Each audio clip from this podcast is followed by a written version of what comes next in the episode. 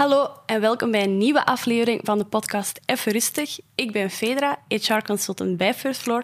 Vandaag zijn de rollen omgedraaid en is Karen te gast bij haar eigen podcast. En blikken we terug naar mooie fragmenten van seizoen 1. Ik ben Karen, bezieler en zaakvoerder van First Floor. First Floor is er om jong, veelbelovend talent in HR en marketing de best mogelijke start van hun carrière te geven. We geloven daarbij dat enkel talent hebben niet genoeg is. Dat vraagt, net zoals topsport, investering. We doen dit door uitdagende projecten bij onze klanten, gecombineerd met een uitgebreid coachingsite. Op die manier willen we niet alleen gelukkige professionals klaarstomen, maar ook toekomstige leiders die verantwoordelijkheid durven nemen voor hun job, hun bedrijf en zichzelf. Met deze podcast brengen we jou eerlijke verhalen van inspirerende, ervaren professionals die ons een blik gunnen in de mens achter de carrière. Ik ben uw gastvrouw en word telkens bijgestaan door een van onze jonge talenten die zo aan het begin van hun professioneel avontuur al hun nieuwsgierige vragen loslaten op die ervaren rotten. Wie weet, leren ze nog iets van elkaar. Veel kijk- of luisterplezier en welkom bij Even Rustig.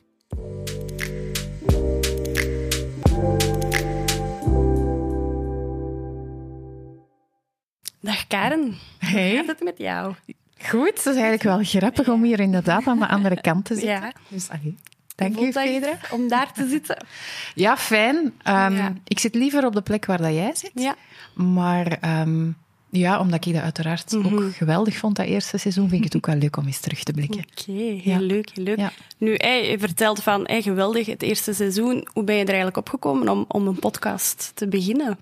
Ja, ehm, twee redenen eigenlijk. Eén, omdat het ja, cliché ook wel aan een droom van mij was. Ja. Ehm, ik heb het ook lang uitgesteld. Ik, was, ik, ik heb er echt twee, bijna twee jaar van voor corona over gedaan. Dat ik zei van, oh, ik wil dat zo graag eens doen. En dan zo toch wel wat uitstelgedrag vertoond. Totdat er een aantal mensen mij een duwtje in de Ja. rug hebben gegeven, zoals dat dan gaat. Ehm, en de andere reden is eigenlijk omdat... Ja, het brengt voor mij alles samen. Ik eh, ben al heel mijn carrière lang ontzettend gepassioneerd door mensen. Ja. Ehm, door verhalen, door communicatie. Eh, Ik heb altijd in HR of in marketing gewerkt, maar ook ehm, ja, dan mijn eigen praktijk, waarin je dan helemaal gaat luisteren naar mensen en hun verhalen. Ja, en dit brengt het voor mij eigenlijk allemaal ehm, samen. Dus dat voor mezelf, maar natuurlijk ook naar de buitenwereld toe. Een groot stuk is uiteraard, hè, cliché, een stukje van je wil mensen inspireren. Nu, voor mij, wat is inspireren? Inspireren is mensen aanzetten tot Ja. iets doen. Eh, ofwel aanzetten tot denken, nieuwe inzichten, ofwel aanzetten tot iets doen. En voor mij, hetgeen wat echt raakt, Ja. dat zijn gewoon echte verhalen. Oprechte, echte verhalen. Ehm, ik denk dat het Ruben was, een van de consultants, die zei er is al zoveel showboating. Hè, iedereen over de succesverhalen. En of dat nu van een succesvolle ondernemer of marketeer of HR of professional, hè, want er komen heel wat verschillende mensen. Ja, mij raakt dat als iemand zijn echt verhaal, oprecht eerlijk verhaal vertelt. Hè, dan doet dat bij mij ook altijd iets. Dan, dan zet dat iets in beweging. En ik denk dat ik dat ook een beetje wou overbrengen naar andere mensen. En herkenbaarheid ook. Hè. Oké. Ehm, ik denk dat veel mensen zich vaak herkennen in anderen en dat inspireert ook. En voilà, dus dat eigenlijk allemaal een beetje samen. Niet zo gewoon een oplijsting van successen, maar gewoon echte, eerlijke verhalen om mensen te raken en te inspireren. En ja, wie weet, kunnen we daar toch weer een steentje voor leggen. Ik denk dat wel. Allee, ik heb ook mee de, de podcast zo wat gevolgd en ook zeker wel beluisterd. En mij heeft het in ieder geval zeker wel geïnspireerd om te zien hoeveel verschillende soorten verhalen of parcours dat er zijn afgelegd om ja, te bereiken wat dat ze bereikt hebben, inderdaad. Ik vroeg mij verder ook af, van waar het idee ook om een co-host erbij te zetten, dus een van de consultants erbij te zetten. Ja, dat is eigenlijk een goede vraag. Ehm, enerzijds omdat dat natuurlijk ook wel wat de kern van First Floor is. Hè, jonge mensen, jong Ja. talent. Dus ik wou die zeker mee betrekken. Dat wat het zakelijke stukje betreft. Hè, ik wil die ook wel laten zien aan de wereld. Omdat ja, ik ben ook gewoon trots op al onze consultants. Ehm, en anderzijds is dat ook weer altijd een persoonlijk stukje. Ik hou van verbinden. Ik eh, drijf op mensen connecteren, op mensen verbinden. En ja, dit is gewoon weer een zoveelste vorm van verschillende mensen Ja. met elkaar doen connecteren en verbinden. En ik vind in een aantal afleveringen zie je ook echt zo die dynamiek. Ja, dat en, is, en, ja, klopt. en misschien ook wel een beetje het eigen wijsje in mij, dat zoiets heeft van het moeten niet altijd de ervaren, ehm, succesvolle, gekende namen zijn. Ehm, we kunnen ook van jonge mensen nog iets leren. Tuurlijk, zeker En vast. Ook dat. Oké, super tof. Nu, je hebt verschillende gasten gehad. Eentje dat mij ook heel hard is bijgebleven is Ellen van Hoof. Ja. Ehm, welk fragment is er daar bij jou bijgebleven? Ja, Ellen. ehm, Ellen heb ik eigenlijk uitgenodigd omdat ik kende die eh, nog van... Hè, we hebben nog samengewerkt vroeger en ik, ik ken Ellen als iemand die voor mij zo die combinatie heeft tussen enerzijds heel menselijk, heel warm, ook heel oprecht. Ja. Hè. Ik denk dat dat zo wat een- de rode draad is van de gasten die ik uitnodig. Maar ook heel nuchter, heel gedreven, ook zakelijk. En die weet dat heel goed te balanceren. Ehm, ze kan het ook heel goed uitleggen, dat helpt ook. Ehm, en vanaf het eerste moment dat ik Ellen heb leren kennen, enkele jaren geleden, wa- klikte dat wel. Ik vind het ook heel mooi het parcours dat ze aan het doen Ja. is. Nu zowel inhoudelijk met employer branding, employer marketing, als het feit dat ze nu ook aan het ondernemen is met In Silencio, hè, haar eh, agentschap. Dus ja, dat allemaal samen. ehm, en ze heeft mij absoluut niet teleurgesteld. Ehm, de podcast, de aflevering van Ellen, is ook de aflevering die ik zelf ondertussen meermaals al Ja. nog eens opnieuw heb geluisterd. Omdat elke keer als ik dat hoor, hoor ik weer nieuwe dingen. Ehm, en ze vertelt dat op zo'n rustige, ja, menselijke manier, maar ook inhoudelijk heel sterk, vind ik. Ja, Ehm, en het fragment dat mij het meeste is bijgebleven en, ehm, is het stukje over work-life balance. Oké, dan zullen we daar eens eventjes naar kijken. graag. Maar om nu even terug te koppelen naar work-life balance. Ehm, bijvoorbeeld, ik als starter, ik ben nu maar drie weken bezig, maar ik merk dat dat soms heel moeilijk is om daar een balans in te vinden. Ik denk sowieso in je eerste jaren gaat dat gewoon moeilijk zijn ehm, om om grenzen te stellen en te zeggen van oké, nu even werk aan de kant. Heb je daar een tip voor? Om, of heb je misschien zelf al momenten ervaren van oei, hier zit mijn work-life balance toch niet meer zo goed of zo? Ja, absoluut. absoluut. Ik denk dat een duurzaam werkritme vinden, want daar gaat het voor mij dan eigenlijk. Ook omdat ik, ik kijk daar... Ik kijk niet zozeer dus naar work en naar life, maar voor mij is dat eigenlijk... Ik vind dat wel oké als dat allemaal wat samensmelt. Dat werkt voor mij het beste persoonlijk. Ehm, maar dat duurzaam werkritme vinden, ehm, dat je lange tijd kunt volhouden, waar dat je van voelt, van zowel mentaal... Want het is vooral mentale vermoeidheid dat mij soms parten speelt daarin. Ehm, ja, dat is een van de moeilijkste dingen. En dat is vandaag ook nog voor mij best wel een zoektocht. Maar gelijk dat dat ervoor ook een zoektocht was, dingen proberen, dingen doen. Ehm, ik zit nu in een stramien. Ik sta 's morgens om zes uur op, zes uur 's morgens op. Ehm, en ik doe dan al een heel aantal dingen die mij deugd doen. Ja. Ehm, ik, heb dat, ik doe dat al een hele tijd. Vroeger startte ik dan met mijn mails. Maar nu heb ik al beseft, als ik mijn dag niet start met mijn mails, Ja. Dat ik veel meer energie heb. En eigenlijk is dat super logisch. Heb ik dan ook in zo'n podcast gehoord, want ik luister ook nog veel podcasts en ik lees daar ook nog boeken. Think Like a Monk trouwens. Super interessant een boek van Jay Shetty. Eh, want dat gaat eigenlijk over ja, die businesswereld, die snelheid waarin dat wij allemaal zitten. Ehm, maar hoe kun je zo die boeddhistische kijk van naar het leven kijken, hoe kun je die daar eigenlijk zo wat, die twee werelden laten samensmelten? En ik denk dat dat voor mij mijn ambitie is. Ik wil echt ja, niet altijd in die rat race zitten, niet altijd in die snelheid zitten, niet altijd een gehaagdheid voelen, maar echt rustig van elk moment kunnen genieten. Ja. Maar dat is een utopie, hè. Dat lukt mij de één week duizend keer beter dan de andere week. Maar als je een concreet een tip vraagt, nieuwe dag beginnen met je e-mails. en dan weten waarom niet? Omdat je andere mensen nu een to-do-lijst laat, laat dicteren. Ja. Je moet echt gewoon voor jezelf een doel zetten. Oké, wat wil ik vandaag afgewerkt hebben? Deze wil ik afgewerkt hebben en al de rest gaat wachten. Ik zeg ook gewoon aan mensen, Ik ook. als je mij een mail stuurt, ja, weet dat je dan ergens in de mailbox terechtkomt. Ik zit daar niet kort op. Als je mij dringend nodig hebt, dan kun je best bellen. Ja. Of een WhatsAppje sturen. Want ook bellen, best een WhatsAppje sturen. En dat werkt. Als ik duidelijk uitspreek aan mensen, als je mij wilt bereiken en als dringend is dat en dat en dat, ja, dan kan ik dat eigenlijk ook wel loslaten. Want dan heb ik niet het gevoel, dan denk ik, het is uw verantwoordelijkheid ook Ja. mee. Snap je? Dan heb ik niet het gevoel dat er daar dingen in mijn mailbox zitten ja, die, die branden of die... Het gaat ook voor een groot stuk over, denk ik, u niet geleefd voelen door Ja. een ander. Ja. Hè, wat dat jij zegt, inderdaad, als je leeft professioneel, hè, professioneel leeft volgens uw mailbox, ja, dan is eigenlijk gewoon continu andere mensen uw agenda aan bepalen. ik, ik ben daar eigenlijk, ik vind het heel grappig om te horen, want ik ben juist hetzelfde, maar ik krijg daar soms ook wel commentaar op van, ja, en, en ja, ik heb je een mail gestuurd of ja, je antwoordt pas later. En dan, eh, ik heb net hetzelfde. Ik zeg van, ja, maar mijn, mijn mails is niet mijn to-do-lijst. Nee, nee. Ik bepaal zelf mijn agenda en ik bepaal zelf mijn prioriteiten. En ik ben degene die meer dan eenders wie weet waar dat mijn focus moet liggen. Dus iemand anders gaat mijn focus niet bepalen. Het woord dat gewoon cruciaal is, is proactiviteit. Zolang dat jij, en dat heb ik ervaren, zolang dat ik proactief ben, en niet reactief, maar proactief en zelf in de lead zit van de dingen die Ja. ik aan het doen ben, Ja. dan heb ik eigenlijk een hele mooie balans. Ja. Maar van de momenten dat ik voel van... En dan zeg ik daar ook tegen... Dan kan de rekkie zo naar mij kijken. Je bent achter de feiten aan het aanholen. Hè? Ik zeg, ja... Ja, en daar word ik doodmoe van. Ja, supermoe. Dat zijn de momenten die mij nekken. Ja, mij ook. En dus Ja. ik voel dat proactiviteit en zelf gewoon voelen van ik zit in de driver's seat, Ja. ik maak de keuzes Ja. en ik laat hier geen andere mensen dicteren wat en hoe. Ja. Dat zijn de momenten dat je voelt van het is in balans. Ja, absoluut. En, en dat zijn trouwens, dat is iets wat ik niet alleen jonge starters, maar evengoed mensen met 20, 30 jaar ervaring, die soms helemaal uitgeput zijn. En ja, het eerste wat ik aan zo iemand meegeef is inderdaad, hoe ziet uw agenda eruit? Hoe organiseerde jij uw week? En dan zie je heel vaak bij die mensen dat er geen organisatie is. Dat die inderdaad gewoon, ja, mijn mails, mijn to-do, ik zeg, ja, maar plan is Ja. blokken, plan is focustijd. Zorg dat je zelf weet waarom je wat aan het doen bent en daar een stukje regie. Betekent ook nee kunnen zeggen en betekent ook af en toe mensen teleurstellen. Ja. En daar wringt heel vaak het schoentje. Ja, klopt. Betekent ook eens iemand laten wachten.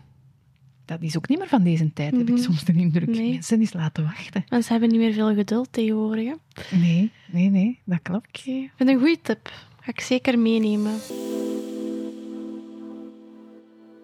Oké. Ja, kijk, ik vind dat ehm, het thema work-life balance, dat, dat is een hot topic hè, Ja, al, al klopt. een hele tijd. En wat ik zo mooi vind aan wat Ellen hier ook vertelt, is dat zij juist niet gelooft in die strikte scheiding tussen die twee. Van, het is niet work en, en life, die twee horen gewoon samen. Dat is één geheel. Eh, zij heeft dat ook graag zo. Ik ook, hè, dus ik herken mij daar uiteraard in. En ook hoe dat ze het dan verwoordt van het gaat niet over work-life, maar het gaat eigenlijk over een duurzaam ritme vinden. Mhm. Ehm, ja, dat voor u werkt. En, en ik, herken mij daarin, maar ik vind het ook een verfrissende manier om er zo naar te kijken. ja, ik herken mezelf daar ook wel in, omdat er wordt ook heel hard op gehamerd van je moet zien dat alles goed gebalanceerd is. Ehm, maar ik vind ook dat die twee heel hard gecombineerd worden, want als je bijvoorbeeld je levensdeel van de balans, zal ik maar zeggen, niet op orde hebt, dat heeft ook invloed op je, op je werk. Dus dat moet gewoon samenvloeien. En of dat je nu even iets tot zes uur werkt of een keer tot vier uur. Ja, en balans gaat ook niet over uren. Hè? Nee, jawel. Nee, inderdaad. Maar ja, het is gewoon een mooie combinatie. En dat Ja. vloeit in elkaar. Voilà, Dus vind dat, is heel perfect, mooi eh, verwoord, inderdaad. Ja, voilà. Zullen we ineens eens kijken wie dat de volgende is in het mooie fragment? Ehm, Pieter van Leugenhagen. ja. Ehm, wat is er zo wel bijgebleven bij Pieter? Wel, Pieter was eigenlijk de enigste van de gasten die ik zelf niet kende. Totaal niet. Dus eigenlijk op aanraden van, eh, van Marnik, hè, Marnik Doren van Belovi, van, van wie we het mooie setting hier gebruiken. Ehm, en ja, ik vond dat, dat is mij ook zo goed meegevallen. Wat mij vooral bijbleef, is dat is een, ja, voor mij ook zo'n ras een ondernemer. Hè, Ehm, die er gewoon ja, induikt, overstroomt van de creativiteit. Ehm, dat, dat sowieso, hè, dan zitten we weer een beetje in het succesverhaal. maar wat ik vooral ehm, heel mooi vond, is dat, dat hij zo open sprak over ja, dat echt wat moeilijk is geweest. Die, die Ja. is op een gegeven moment bijna randje failliet gegaan. Ehm, en die heeft daar heel open en eerlijk over gesproken. Iets wat, geloof mij, in ondernemersland niet vanzelfsprekend is. Dus dat ten eerste, maar ook het feit dat hij zelfs op die moeilijke momenten die mens zijn ongebreideld optimisme en waar dat hij altijd de kracht vandaan haalt om zo te blijven Ja. doorgaan en daar ook humor in ziet, ja, dat vond, dat vond ik fantastisch. Ja. Dat was inderdaad fantastisch. Ook dat dat zo voor hem normaal was. Ja. Veel mensen zouden gewoon ja, het laten vallen. Maar hij dacht van, ah nee, we zien dat daarin, we gaan daar gewoon mee verder. Dus dat vond ik inderdaad ook wel knap, dat hij daar ook gewoon ja, over uitkwam. En van, ja, ik heb dat gewoon zo en zo aangepakt en dat is goed gekomen. Ja, en ik heb goed opgemerkt hè, dat hij dat normaal vindt. Dat is een schoon voorbeeld van Ja. hoe dat je je sterktes meestal zelf heel normaal Ja. vindt, terwijl iemand anders zoiets heeft van, wauw.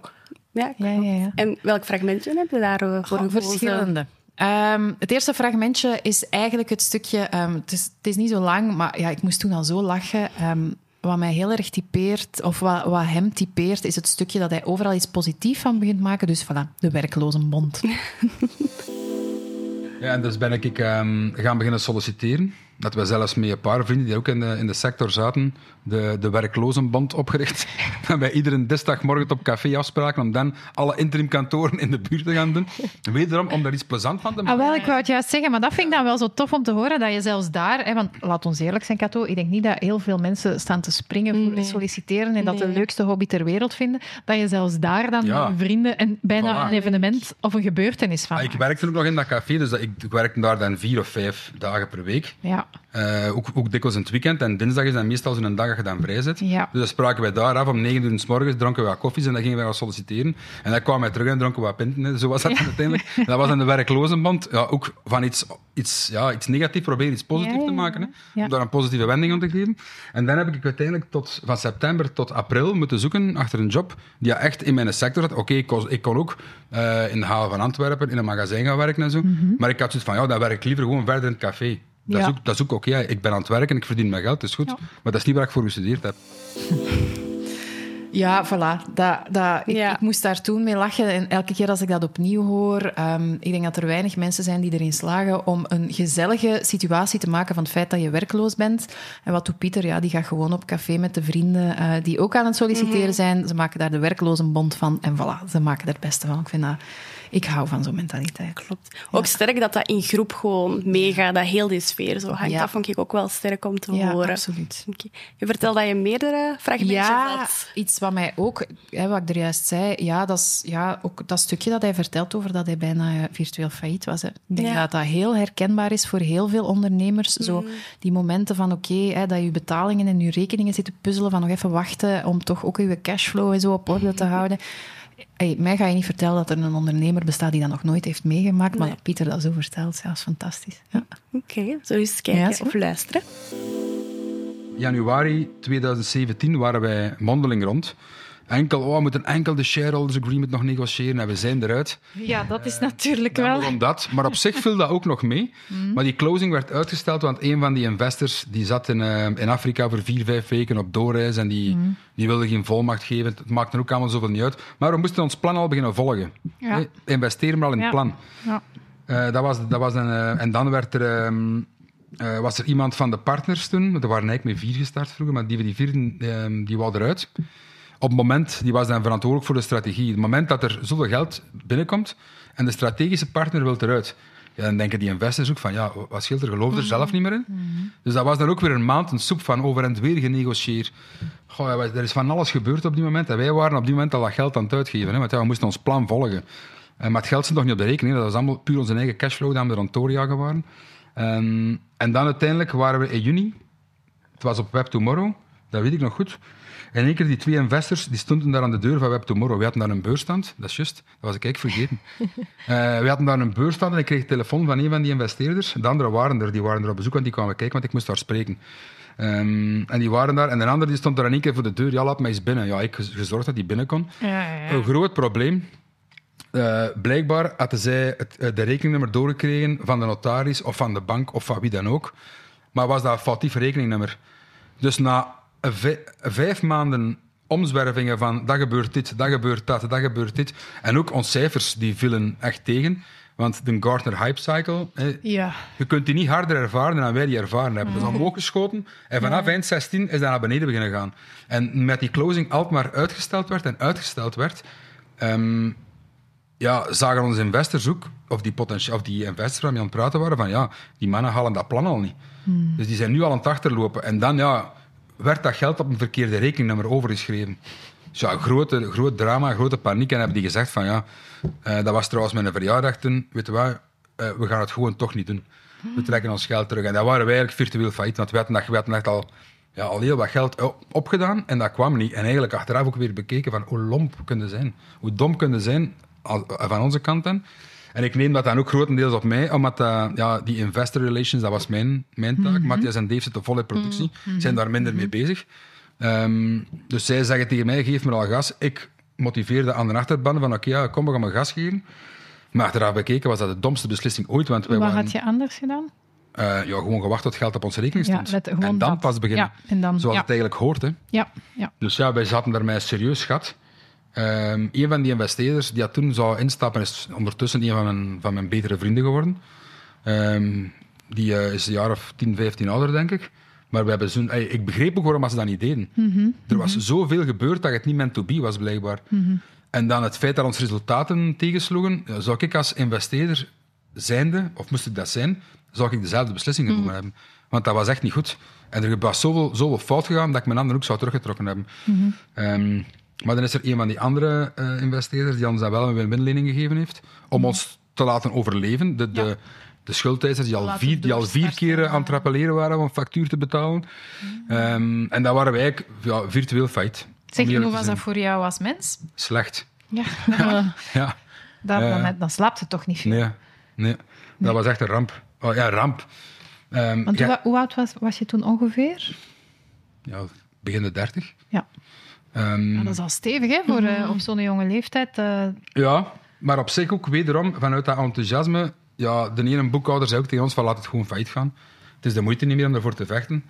Eh, ik had dan zelf zoiets van, ja, daar staat er meer faillissement op en je gaat zo hoog van een toren liggen blazen. En dat was dan ook wel zo, hè. Dat Ja, ja, altijd ja, veel ja, tamtam ja, ja, verkocht van, ja, ja, ja. wij zijn jonder en wij gaan dit en dat doen. En dan moeten gaan terugkrabben van, ja, we hebben hier een fout gemaakt. Ja. Ja.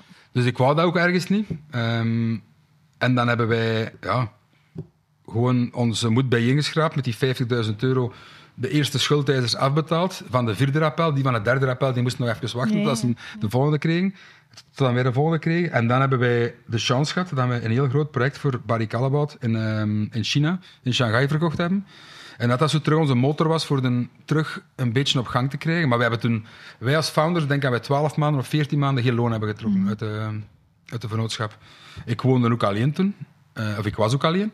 Dus dat was, ja, dat was heel moeilijk, omdat ik had dan alle chance. Een vriend dat bij mij was komen wonen, eh, die het ook wel moeilijk had. Dus wij konden het samen wat moeilijk hebben. En ook, ja, en ook ja, kunnen terugvallen. Ja, voilà. Ik, allee, ik vind dat gewoon knap dat je zo eerlijk durft zijn. Dat is ook een beetje het doel van deze podcast. Maar het is niet omdat je iets in je hoofd hebt dat het ook zo gebeurt. En ik ja, vond dat mooi. Ja. Ik denk dat dat voor ons jonkies ook Mm. wel goed is om te horen van oké, ja, de mensen die het gemaakt hebben of goed bezig zijn, Ja, die hebben ja, ook wel hun ups en downs gehad. Ja. Dus dat is ook wel fijn om te horen dat hij daar ook heel eerlijk over is. Ja. Ja, ik vond dat fijn. En het laatste is ehm, ook nog een kort stukje ja, gewoon over iets waar ik ook heel erg in geloof. En dat is buikgevoel. Oké. Het leven is echt te kort om, niet, om geen eh, plezier te hebben. Hè? En ja, tegenslagen zullen er altijd wel zijn, Mm. denk ik ook. Dus, eh, want het is heel, eh, je kunt heel snel in paniek geraken als er zo eens een keer iets niet gaat, hoe dat je het in je hoofd had. Dus eh alleen dan vind ik dat ook wel ook een heel mooi verhaal van inderdaad gewoon, gaat er Mm. gewoon voor en inderdaad hoofd omhoog en eh, ja, Ja. niet de schouders Ja, laten wat ik soms probeer te doen, is mijn eigen buiten de situatie zetten. Ja. Als derde Ja. persoon eens kijken van, Ja. hoe zou ik nu reageren, moest dat nu met twee vrienden gebeuren? Of met Mm.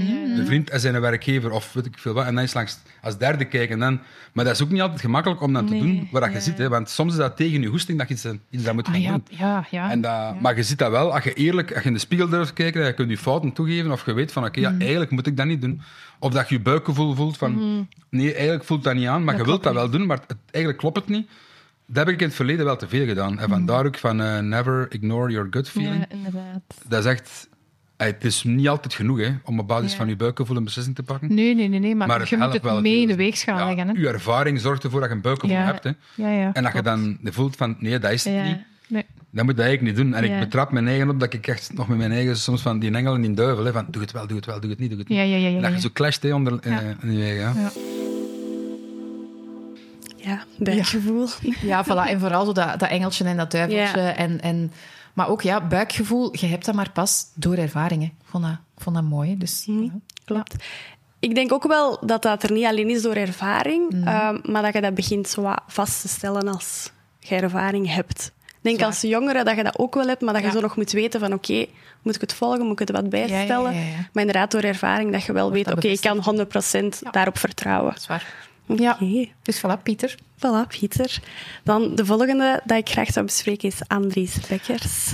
Vond ik een hele fijne mens om dat te luisteren. Ja. Ehm, ja. Ook een heel fijn verhaal. Ehm, ook weer zo die bescheidenheid dat soms ook wel naar boven komt. Mhm. Ja. Dus Klopt. als persoon, wat is er toen voor jou bijgebleven?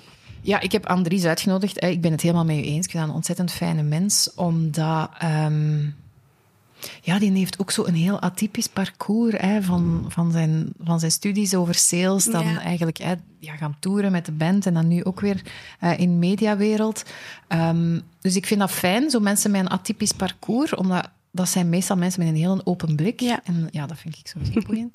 Ehm, maar dat is ook een heel intelligente mens, die weet waarover hij spreekt. Ehm, en tegelijkertijd blijft hij altijd ook gewoon heel nuchter, heel toegankelijk, heel open, heel warm en hartelijk. En Ja. en, ja ik, vind, ik vind dat mooi. Ehm, zijn verhaal op zich was boeiend. Wat mij wel opviel eh, in, in de aflevering met Andries, is dat zelfs mijn Antwerps accent eh, er stevig terug doorkwam.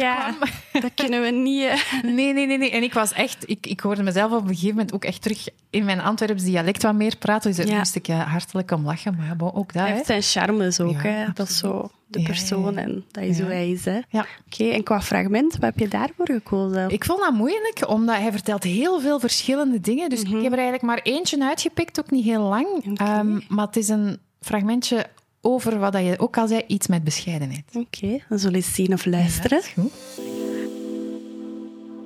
Wauw.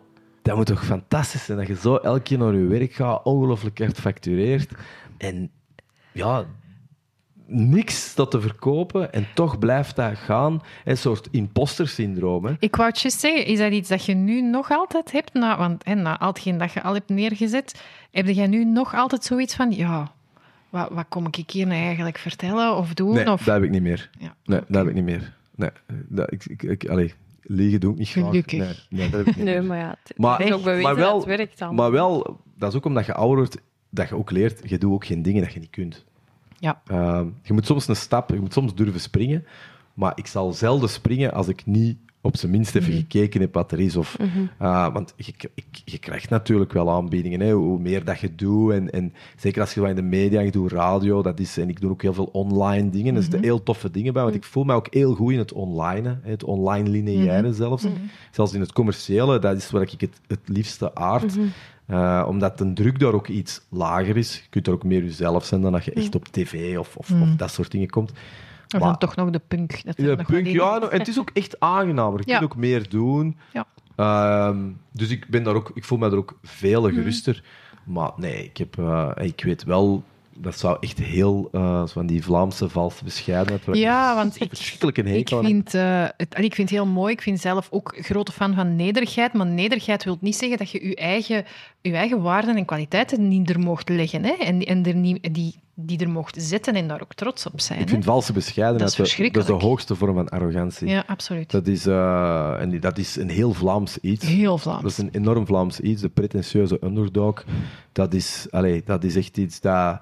Ja, dat zal waarschijnlijk als je een of En dan nog het vingertje erbij. En, Een soort geschiedkundige, antropologische, whatever studie zal dat wel uitwijzen. Het zal wel iets te maken hebben met onze geschiedenis. onze overheersing constant. Ongetwijfeld. al de- Ja, ongetwijfeld. Maar dat is eh, vooral ook omdat wat daar onnozel aan is, los van alles.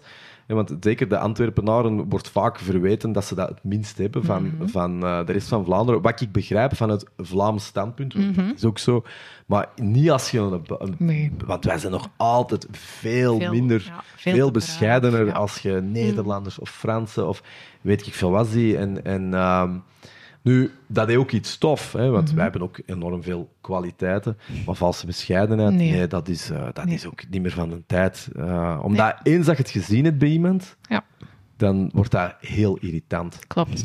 Ja, dan zie je niks dan anders zie je niks anders. Hè. Ja, en je voelt dan ook gewoon dat dat niet echt is en dat dat eh, een manier van aandacht vragen wordt op een gegeven moment. En dat, ik, ik vind dat ook heel, heel irritant. Je durft gewoon zeggen wat je vindt, waar dat je voor staat, wat dat je goed kunt.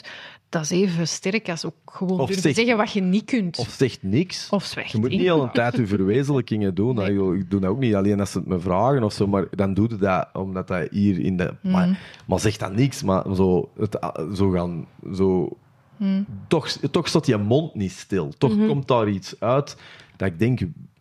Iedereen, iedereen weet wat jij eigenlijk het doen bent. Maar Niemand is hier iets mee. eh, niemand is hier iets mee. Ja, het is, ehm, het is een één uitspraak. Valse bescheidenheid is het toppunt van arrogantie. Ehm, maar ik kan mij daar volledig in vinden. Eh, enerzijds ja, ben ik het er gewoon heel erg mee eens. Het is iets typisch Vlaams, hè, om, om zo'n beetje onze kop in het zand te steken. De, de voorliefde voor de underdog. Ehm, maar eigenlijk vind je dat niet mooi. Ik, want er schuilt iets manipulatief in ook. En, en ik vind ook dat je gewoon echt trots mag zijn op wat je verwezenlijkt. En dat dan ook rustig, maar, maar zelfzeker mag brengen. Uh, ik ben ook fan van bescheidenheid, Ja. maar niet van valse bescheidenheid. Nee. Dus ik vind dat een hele mooie uitspraak. En ehm, tegelijkertijd typeert het Andries gewoon. Die inderdaad ehm, zelf niet degene is die altijd aan de front stage staat of, of in de spotlight. Maar ook geen schrik heeft om te laten zien wie hij is en wat hij kan. Ja. En die combinatie, ja, ik vind dat, ik vind dat mooi. Dat is heel mooi, inderdaad. Voilà. Oké, heel fijn. Een volgende gast eh, waar ik mij zelf heel hard in herken, was Chloe van Elden. Eh, Ja. Ook een fantastisch verhaal Ja. om naar te luisteren. Ehm, zeker, het leek in het begin, het gaat allemaal vanzelf. En toch, ja, toch wel wat gecrashed. Dus dat vond ik wel heel mooi om naar te Ja. luisteren. Zeker omdat ze ook nog zo jong is, maar toch al heel veel heeft bereikt. Klopt. Ja, ja, ja, dat snap ik. Ehm, Chloe is iemand die ik eigenlijk niet heel goed kende. Eh, online hadden wij elkaar al wel zo wat gevonden. Ehm, en ook daar los, dat was echt een buikgevoel verhaal. Ja. Die heb ik echt puur op buikgevoel uitgenodigd, omdat ik voelde van, ja, dat is een jonge dame, die, dat, dat, die triggert iets, die heeft een verhaal te vertellen. En ehm, ja, ze heeft dat ook prachtig gedaan. Mooie carrière, eh, mooie keuzes al gemaakt, maar ook ja, die, die ontwapenende eerlijkheid. En ik, ik kan mij voorstellen dat dat inspireert. Ja, zeker, zeker. Ehm, ik ben zelf ook ehm, op jonge leeftijd gecrashed. Ehm, ik deed mijn tweede bachelor sport en bewegen. En ja, volledig eh, verloren. Allee, ik denk ook een beetje door corona, dat ik volledig Ja. met mijn studies bezig was en met niks anders. Ehm, en dan volledig gecrashed. Ik ging normaal gezien op buitenlandse stage naar Curaçao, ook allemaal niet gedaan. En eigenlijk, door te crashen heb ik beseft van, "Oh, waar ben ik allemaal mee bezig? Ik ga gewoon het hoofdstuk school afsluiten en we gaan gewoon gaan werken en zo verder zien wat het leven ons wel brengt.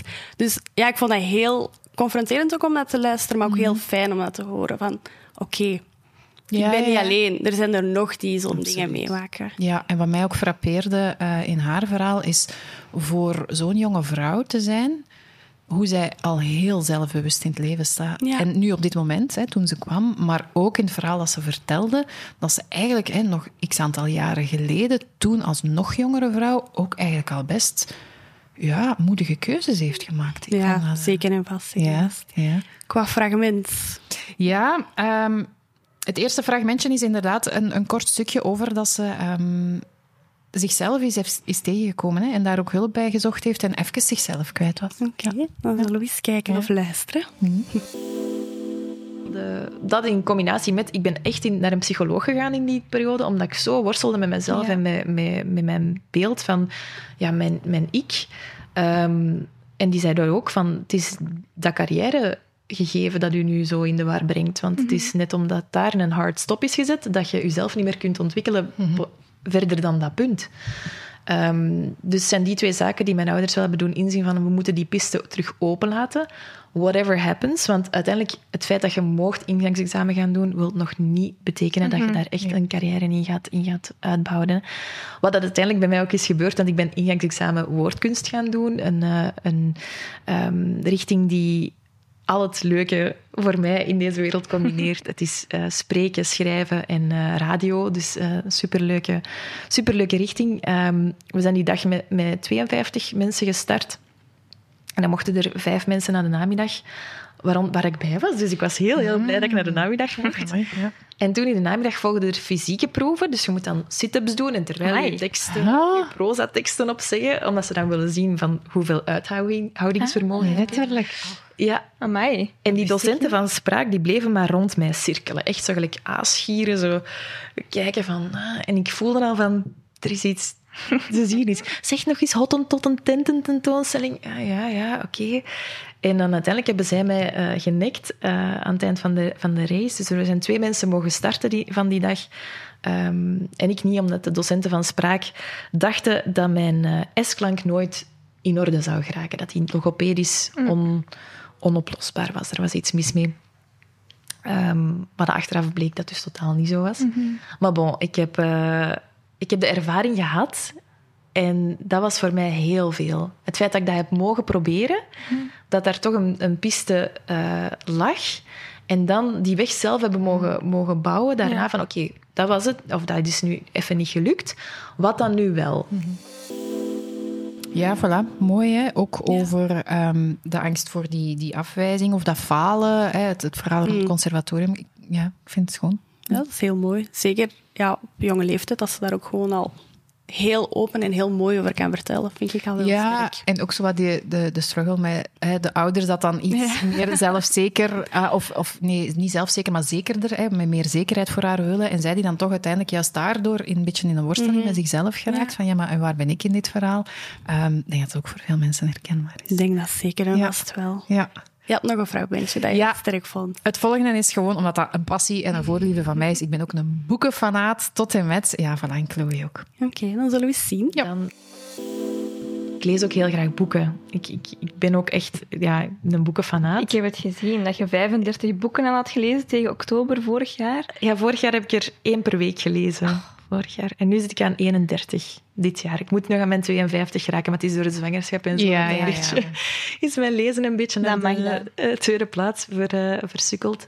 Maar, eh, En van waar die, die passie voor boeken?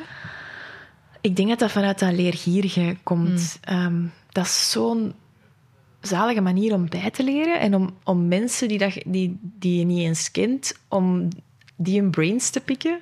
Dat klinkt nu misschien raar, maar, ja, maar ik vind het ontzettend boeiend om altijd met, om met mensen te spreken en nieuwe, nieuwe zienswijzen te ontdekken van, van andere mensen. Maar eh, boeken staan nu echt toe om in andere mensen hun, hun Ja. denken te duiken, zonder dat je die per se moet ontmoeten of dat je daar per se een babbel mee moet hebben. En ik lees dus soms ook echt boeken die dat radicaal ingaan tegen wat ik op dat moment denk. Of ehm, ja, dingen over, over eh, topics gaan die dat mij per se, niet per se interesseren. Of waar ik niet per se meteen naar zou grijpen. Gewoon om mijn eigen denken een beetje uit te dagen. Ja. Van, heb je daar een mening over? Wilt je daar een mening Ja, over ja, ja. vormen? En dat, dat- zo stoot ik op, op super toffe, toffe boeken en inzichten. En ik probeer ook wel af te wisselen tussen fictie en non-fictie. Ja, ik ook. Ah. En wat ik zelf zo leuk vind aan boeken, is dat dat is een van de weinige dingen waar je echt zo nog helemaal u in kunt verliezen. Ja. Ik kan helemaal opgeslorpt worden door een boek. Ja. Veel meer dan door iets online of een serie. Ik kan helemaal zo, bij wijze van spreken, die een boek niet kunnen wegleggen. Ik vind dat, ik vind dat een geweldig gevoel. Voilà, dus voor iedereen, lees veel boeken Ehm, of luister. Dat is trouwens iets dat ik eh, door Chloe eh, zelf heb ontdekt. Ik, ik lees heel graag, maar in heel drukke periodes eh, kan ik daar soms ook een te vol hoofd voor hebben. En het is door haar dat ik luisterboeken ben Oké, eh, beginnen luisteren. Dus dank u, Chloe. voilà, weer een tipje erbij. Oké, super tof. We hebben nog een laatste fragmentje van Ja. Chloe. Ja, over een keuze en de VRT. Oké. Exact zoals jij, Valerie. Ik had stages gedaan, voornamelijk om te ontdekken wat ik niet wou. Ja. Eh, eerder dan ontdekken wat ik wel wou. Ik had eh, bij de VRT op de eh, redactie van Ketnet stage gelopen. Ik had bij Public eh, in PR-kantoor van Jeroen Wils stage gelopen. Ehm, ik, heb, ik was bij Radio Scorpio, een lokale nieuwszender, was ik nieuwsjournalist en nieuwsanker. Dus daar heel veel dingen mogen ontdekken ook. Ehm, maar ik had nog geen idee. Ik, ik wist wel van media, mm, toch niet zo. PR, En waarom niet? ik vond dat toen ehm, een heel vijandig, vijandige omgeving. Ik voelde heel veel dat eh, de moment dat ik daar was, dat mensen ehm, iets hadden van die gaat mogelijk onze job inpikken of zo. Ik weet niet of dat ook de, de arbeidsmarkt op die moment was die dat extreem onzeker was. Of er waren ook maar x aantal beperkte plaatsen bij eh, VRT, open, bij eh, openbaar omroep.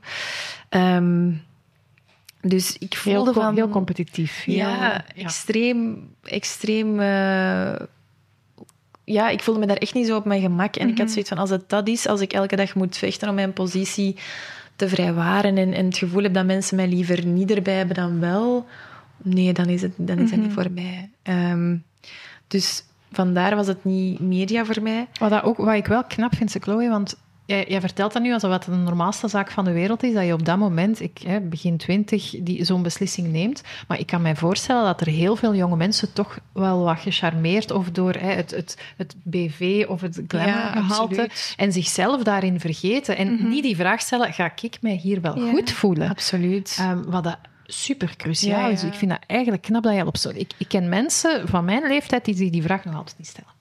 Ja. Dus ik vind dat heel knap dat je dat al zo vroeg voor jezelf kon uitmaken en toch een vrij populair, aantrekkelijke wereld om die reden hebt. Ja. Ja, absoluut. Maar ik denk dat, er, ik, denk dat ik er niet omheen kon hoe ongelukkig die, die wereld Ja. of die, die sfeer mij soms maakte. Er waren echt eh, dagen dat ik zo onzeker thuis kwam en dat ik daar echt ehm, ja, moeite had met mij op te peppen om de volgende dag toch terug, kom aan, hè, we gaan toch terug pro- proberen. En dat ging over... ehm, want op zich, mijn werk vond ik super inhoudelijk, vond ik super tof. Eh, dat, was echt heel leuk om te doen. Maar ik zeg het, is echt gewoon de sfeer waarin dat, dat je opereert, die dat soms zo...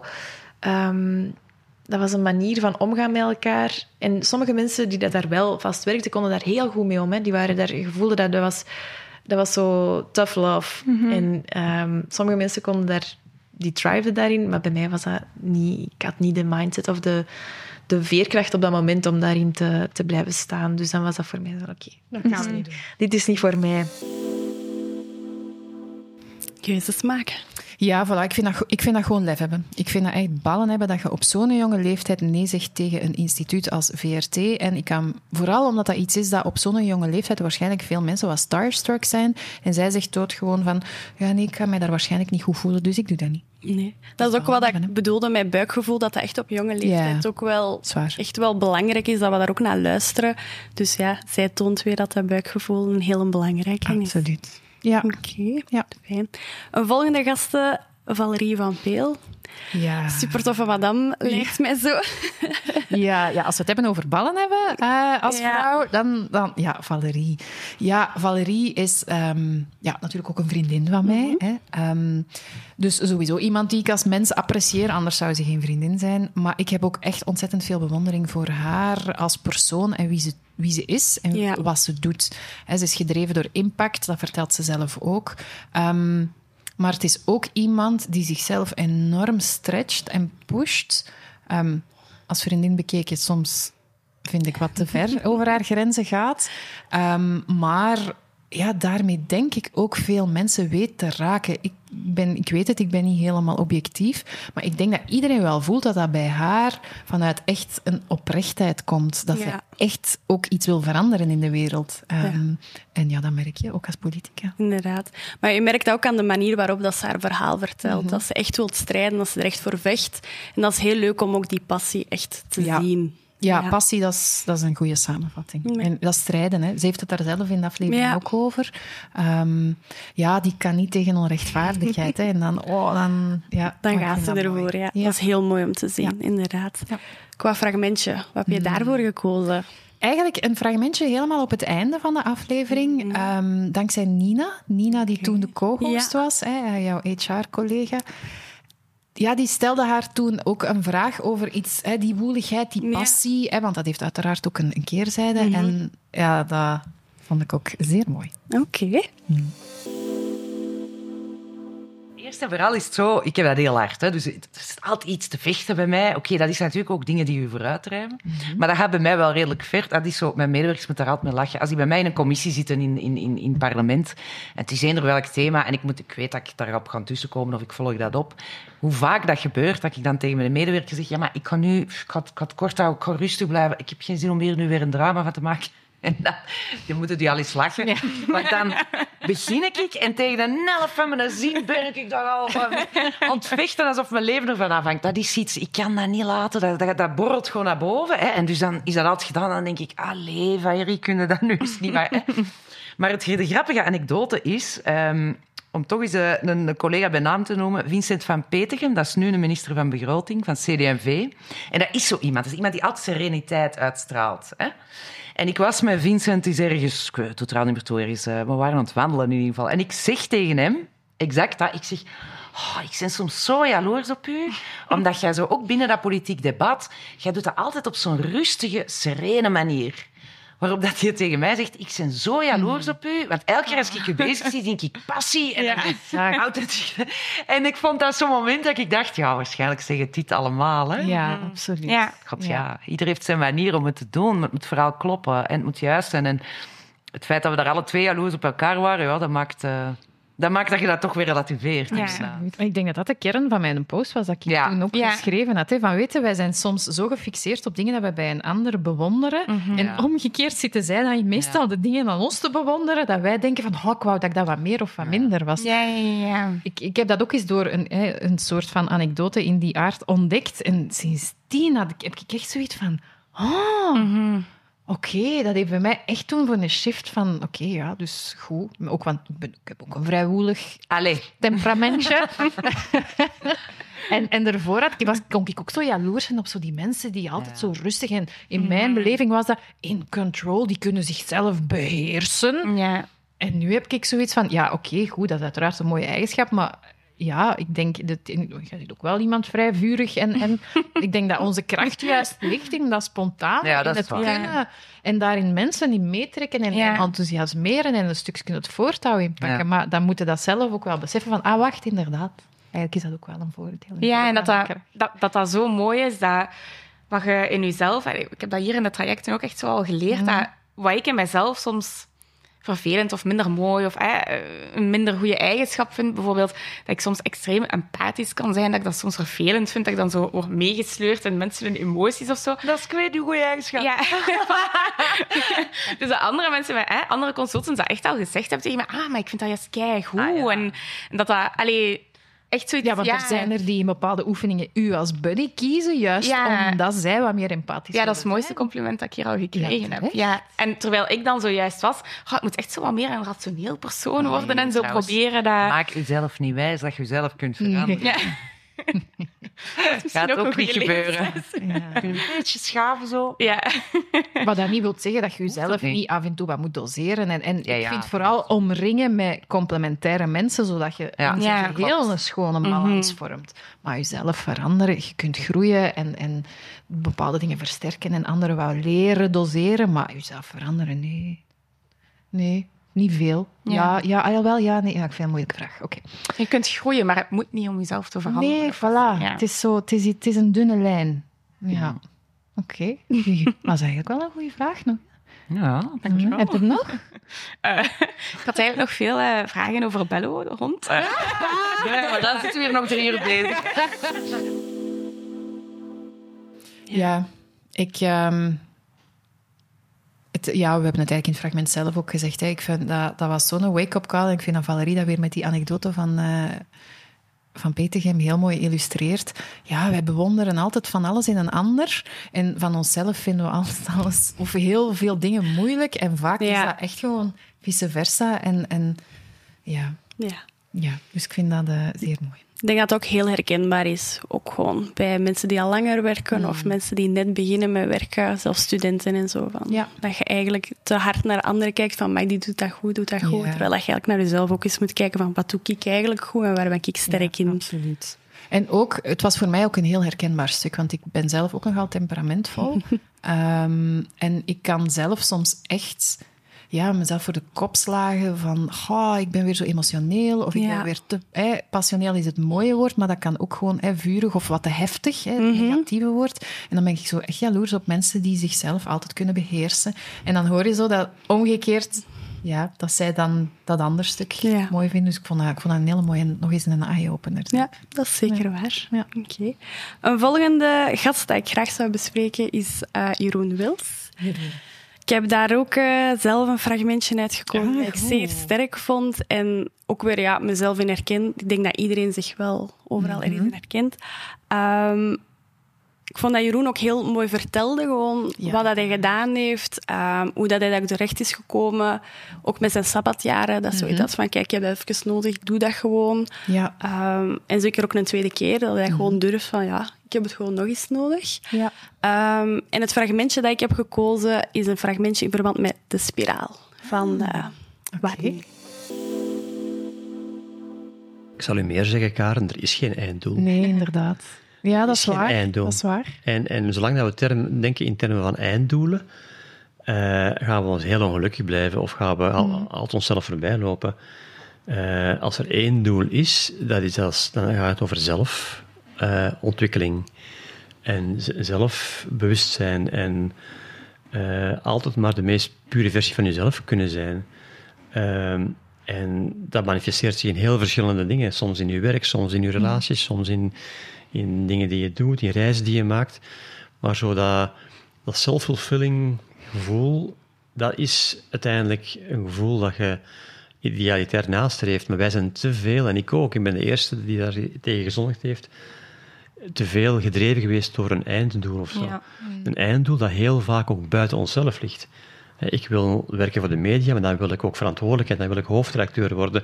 Want ja, dat wordt van mij verwacht. En dan wil ik eh, een eigen bedrijf starten. En, en dan wil ik dat bedrijf ook uitbouwen tot het grootste bedrijf in mijn sector.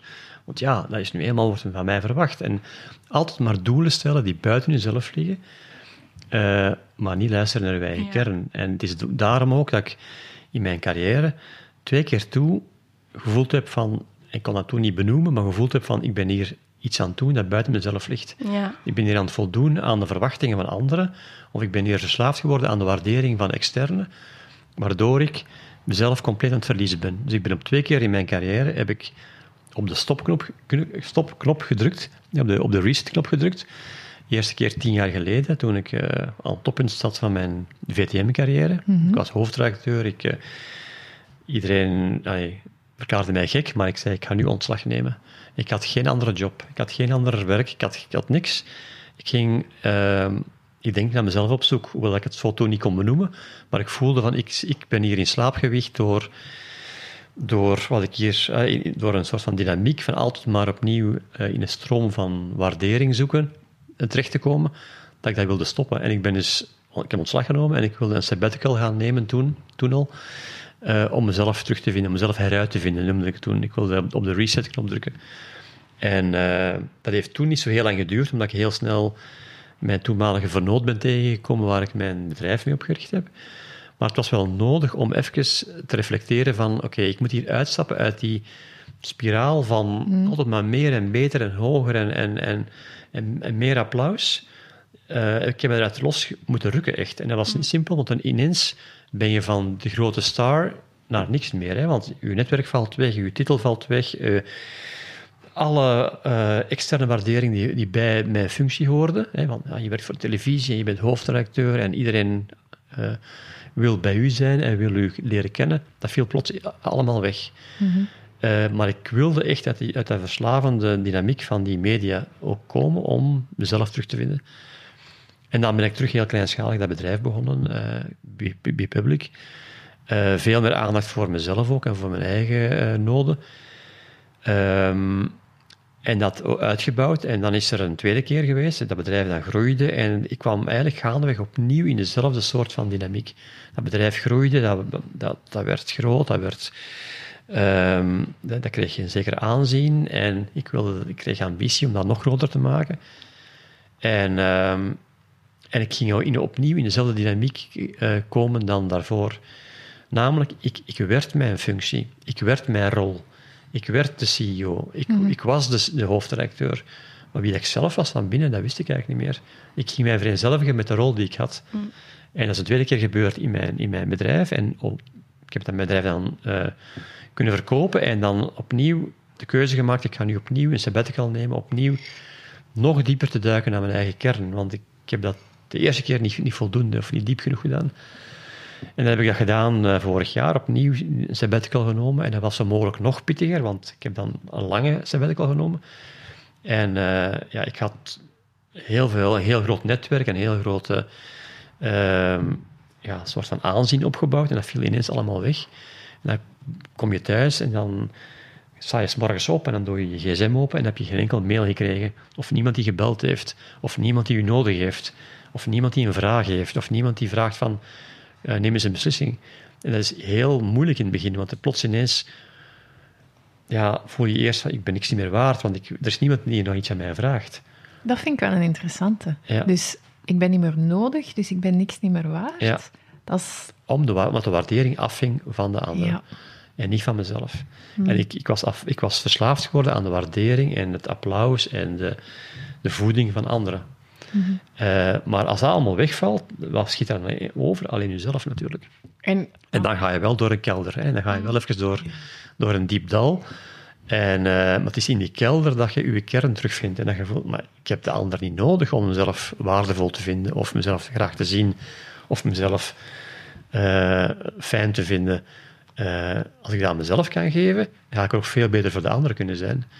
Want op den duur word je, ja, gaat je in een dynamiek van, van people pleasen en van altijd maar de dingen doen die maatschappelijk wenselijk zijn en die, en die, die zo horen omdat, omdat, ze, hè, omdat ze van je verwacht worden. En je gaat alleen maar de sociaal wenselijke dingen doen en zeggen om maar meer en meer en meer waardering te krijgen. Ja, ja, mooi hè. Ja, ja. ik, eh, maar ja, Jeroen, je verwacht dat niet van zo, Nee. iemand met zo'n parcours. hè. Nee, inderdaad niet. Nee. Nee. nee. dat is ook... Ja, je herkent u dat zelf in, die, die verslaving. Ik vond dat, dat eigenlijk heel mooi verwoorden naar verslaving. ehm, omdat dat echt benadrukt van hoe erg dat eigenlijk kan zijn. Dat je die waardering nodig hebt van anderen. En eigenlijk niet meer naar jezelf kijkt van... Wat ben ik aan het doen? Ben ik trots op mijn werk? Ehm, dus verslaving is een hard woord, maar het kan wel juist het juiste woord zijn Ja, om te beseffen van ik ben niet goed bezig. nee, klopt. Ehm, en ik moet mezelf even terugvinden. Dus daarmee dat ik dat fragmentje wel heel Ja, mooi ik. verwoord vond. Ook. Ja, klopt. Hij brengt dat heel mooi onder woorden. Ik denk dat het voor veel mensen herkenbaar is. hè, De herkenbaarheid weer. Maar ik denk, ik kan mij voorstellen, inderdaad, in de mediawereld, dat dat een hele grote valkuil is. Ja. Dus ik vind dat ook weer knap dat hij gewoon zoveel reflecteert. Hij is daar ook, heeft daar een hele weg in afgelegd. Dus eh, nee, maar inderdaad, verslaving, hard woord. Maar het dekt de lading. Het dekt wel inderdaad heel hard te laden. Ja, zelf. nee, heel mooi fragment. Oké. Ja, leuk fragmentje, maar... Ja. Ja, dank u. Ja, Een volgende gast is Erik Goossens. ja de Erik. ja, ja. Toch wel voor veel mensen waarschijnlijk een van de bekendere gasten. Ja, ja, ja, zwaar. Daar Ja. was ik ook heel benieuwd naar van, oké, wat is zijn verhaal eigenlijk? Ja, ja, ik heb trouwens van die aflevering ook... ah, Ik heb van alle afleveringen positieve feedback gehoord. Anders zou het misschien ook niet tot komen. Maar bij Erik viel het mij op dat er veel mensen zoiets hadden van... Amai, ja, dat was anders dan ik verwacht had. Dat dat eh, vonden dat fijn. Ehm, ik vond die aflevering zelf ja, hilarisch. Ehm, want die zijn, die zijn mind gaat echt alle kanten Ja. op. Dus dat was echt wel wat inderdaad proberen de, ehm een houvast bij de rode Ja. draad. Ehm, maar los daarvan, wat ik zo fijn vind aan Erik, is ja, ook wel dat stukje dat creatieve, zo dat eh, associatief denken. Ik heb dat ook wel. Ehm, dat ondernemende uiteraard. Het is ook echt wel iemand Ja. eh, die wil ondernemen, die ervoor gaat. Die creativiteit. Ehm, en het raakvlak bij mij is dat hij ook zo... Ja, die wil twee werelden samenbrengen. Hè? Die wereld van cultuur samenbrengen met het bedrijfsleven. Terwijl ik heb altijd ook met First Floor zo wat geprobeerd, hè, het, het therapie, coaching, het sociale werkveld, wat samen te brengen met het bedrijfsleven, die ook heel veel van elkaar kunnen leren. Dus dat, ja, dat, dat vond ik ook wel mooi. Ja. Ja. Ik vind het ook zo heel sterk ook om te zien dat hij zo verwonderd was dat hij precies de enige was die dat, die twee werelden samen zag. Ehm, en dat hij er toch eens in blijven geloven, vind ik wel heel tof. Want, Knap, hè? Oké, allee, Ja. Als we nu zien waar dat hij nu staat, inderdaad heel knap. Ja. En qua fragmentje, wat hebben we daarvoor gekozen? Ja, ik heb gewoon echt een fragment waar dat ik elke keer opnieuw mee moet beginnen lachen. En dat is ja, het verhaal van de marathon van Berlijn. Oké, dan zullen we daar eens naar luisteren. Ik, ik, vroeg, ik vroeg hoe dat impact op jou heeft gehad. hè. Ja, enorm, eh, omdat ik nu ook Veel eh, meer veel werk sport. verzetten En, ah ja, oké. ja. Ja, ehm, en dat is een beetje gekomen omdat mijn ego heel hard geraakt is geweest. En dat komt omdat Jan van Loveren zei, doe eens een marathon mee. Dus ik zei beginnen lopen. En ik zeg, ja, ik loop erin mee. Ehm, Berlijn. ik loop erin mee. Gewoon. Berlijn. Een En Bieke- marathonneke doen. Ja, ik kon een keer doen. En Bieke zei ook, ik loop hem ook mee. En zij waren er al drie dagen ervoor in Berlijn. Ik was de avond ervoor nog in, in, in Antwerpen, want ik had nog een optreden. Ja, ja. En toen ben ik wel nog even blijven plakken. S'nachts naar Berlijn gereden. Daar s'morgens toegekomen en beginnen lopen. Maar allee, Erik. Foute boel. Ja, maar allee, kom. En ik heb, ik heb eh, foto's die ik niet ga laten zien. Nee. Ik kan ze ook niet direct vinden. Van naar acht kilometer. Ik, weet, niet- ik wist niet dat het kon. Na acht kilometer waren mijn kuiten hol. Dat kan dus, hè? Ja, eh, wij- ja kijk, ja, het kan. Hol? Hol. Hol. Hol. Zie- Zo. Na acht kilometer. Ja. En dan heb ik nog Uw spieren die zo verzuurd waren of zo. zo verzuurd waren. Maar dan heb ik het nog tot twintig volgehouden. Maar dat is echt een onwaarschijnlijke Klinkt gehandicap. zeer verantwoord ook. Ja. Ja. Ook trouwens nog een klein leuke anekdote. ja. Ik was daar beginnen lopen. En de mensen aan de kant die zeiden, Erik. ik zeg, In Berlijn? Ik zeg, ik heb succes in Berlijn. Ik loop nog een beetje verder. En nog iemand zo, Erik, kan toch niet? En dan zie ik, ik ga, natuurlijk staat, Ja. staat in mijn auto gewoon. Erik, sorry, dit terzijde. Ja, nee, dat is goed. Eigenlijk die 20 kilometer gelopen puur op adrenaline, omdat je dacht dat iedereen je herkende. Ja, en... en ja, Blijf gaan. Ik ben populair in Berlijn. ik ben populair. Maar in ieder geval, Bieke loopt in uit en ik niet. Ja. Dus dat, dat kan Dat was een hele marathon. Ja. Dus, ja, ik heb geen halve gedaan. Ja, oké, maar ja. Dus Dat ik is moet nu... veel, vind ik. Nee, nee, oké. Maar maar- Beacon heeft hem wel helemaal uitgelopen. Zij heeft hem Uitgelopen. zei ze met een beetje leedvermaak. Maar ik ben nu aan het trainen en ik heb iemand in... We hebben ook een, een business unit booking en management kantoor, waarin dat wij artiesten vertegenwoordigen. Ik noem dat performers, want dat kunnen ook sportmensen zijn. Eh, Omdat ik vind dat dat hetzelfde is. Hoe dat die mensen moeten begeleid worden, hoe dat die mensen als influencer door het leven kunnen gaan. En dan heb ik het over influencers die iets te betekenen hebben. Ja, ja, betekent. Ehm, en het liefje van mijn jongste dochter speelt bij het nationale team van de hockey. Hmm. Thibaut Stokbroeks. Mhm. En die traint mij drie keer, eh, drie keer per week eh, om, om nu die marathon te, te, te lopen. Amai, de schoonpapa trainen. Ja, dat is wel heftig, hè? Dat vind ik wel moedig. Eh, ja. ja. Want daarvoor had je dan niet getraind voor die marathon. Ja, Bieke ook niet, Gewoon of eens in wel? een Ja, auto. jawel, jawel. Ja, ja, ja. ik dacht, ik zet een cassette op. Ja, dat Van werkt wel. Evie, van Evie Guits, van die zegt van, we, lopen. Start Zeg, to ja, run. Start to run, in de auto je even opgezet. wandelen. Nee, maar dat sloeg tegen. Oké. Ja. Ja. En wanneer is de volgende dan? Eh, ja, eerlijk gezegd, ik wou die van Marrakesh lopen in januari. Maar corona, bla bla bla. En, en het is nu, eerlijk gezegd, met mijn bedrijf eh, cruciaal, met die doorstart. Want ook iets heel belangrijk vind ik, is, eh wat dat weinig mensen zeggen, is een bedrijf dat het zeer goed doet, kan over kop gaan. Ik begreep dat niet. Ik zeg, dat kan niet. Maar dat kan wel. Dat kan wel. Ja, voilà. Ik, ja, ik moet daar nog altijd mee lachen. Ja. Eh, met gewoon zo het idee van, oh, ik ga eens even een marathon lopen. En, en ja, daar zo heel, ja, een beetje on, on, totaal onvoorbereid induiken. En, Ja. en dan vooral met die kuiten. En ja, oké, inderdaad, ik had een beetje leedvermaak dat Bieke het wel had gekund. Ja, soms moet dat een keer kunnen. Vrouwen boven, voilà. Voilà. Een volgende gast, Rick Vera. Ook een hele interessante Ja, mens. Ook een ja, hele rustige mens. En wijs ook. Wijs sowieso. Rustig, dat weet ik niet. Hij, hij heeft rust in de onrust, heeft hij ooit eens gezegd. Ja. En ehm, de reden dat ik Rick gevraagd heb, is omdat ik herken mij... Het valt mij... Door er zo nu eens over te praten, dan merk je inderdaad dat je mensen uitnodigt waar dat je zelf raakvlakken mee Ja. hebt. Hè. Ehm, en ja, ik hou van Rick zijn rebelsheid. Zo een beetje dat eigen wijsje, dat het altijd dat zo graag aan de boom schudt en het toch anders wil doen, maar altijd vanuit zeer constructieve intenties. Ehm, en wijs, ja, absoluut. Ook eh, een groot hart. Ja. Hè, want hij, heeft, hij is enerzijds de zakenman en de keynote speaker, maar wat mij daar weer in frappeert is ook ja, als vader en als grootvader bezig met de generaties Ja. na ons en de toekomst en naar zijn kleinkinderen toe. Ehm, dus ja, los van inhoudelijk interessant, ook gewoon weer een warme mens. Ja. En wat, wat was u zo bijgebleven? Ah, wel, je hebt het eigenlijk al een beetje verwoord, is de verschillende generaties samenbrengen. Ja. Dat is ook het fragmentje dat ik heb gekozen. Ehm, gaat over de sleutels die op tijd moeten worden doorgegeven. Heel schoon. Maar Wat, wat ik probeer te vertellen bij bedrijven, want ik sta vaak voor bedrijven of ik praat vaak met bedrijven, dat is ehm, hen, de, degene die nu de sleutels in handen hebben, is meestal mijn generatie ehm, of iets jonger. Ehm, om hen te laten beseffen dat ze met die sleutels in handen tot op dit ogenblik eigenlijk niet zo'n geweldige dingen hebben gedaan.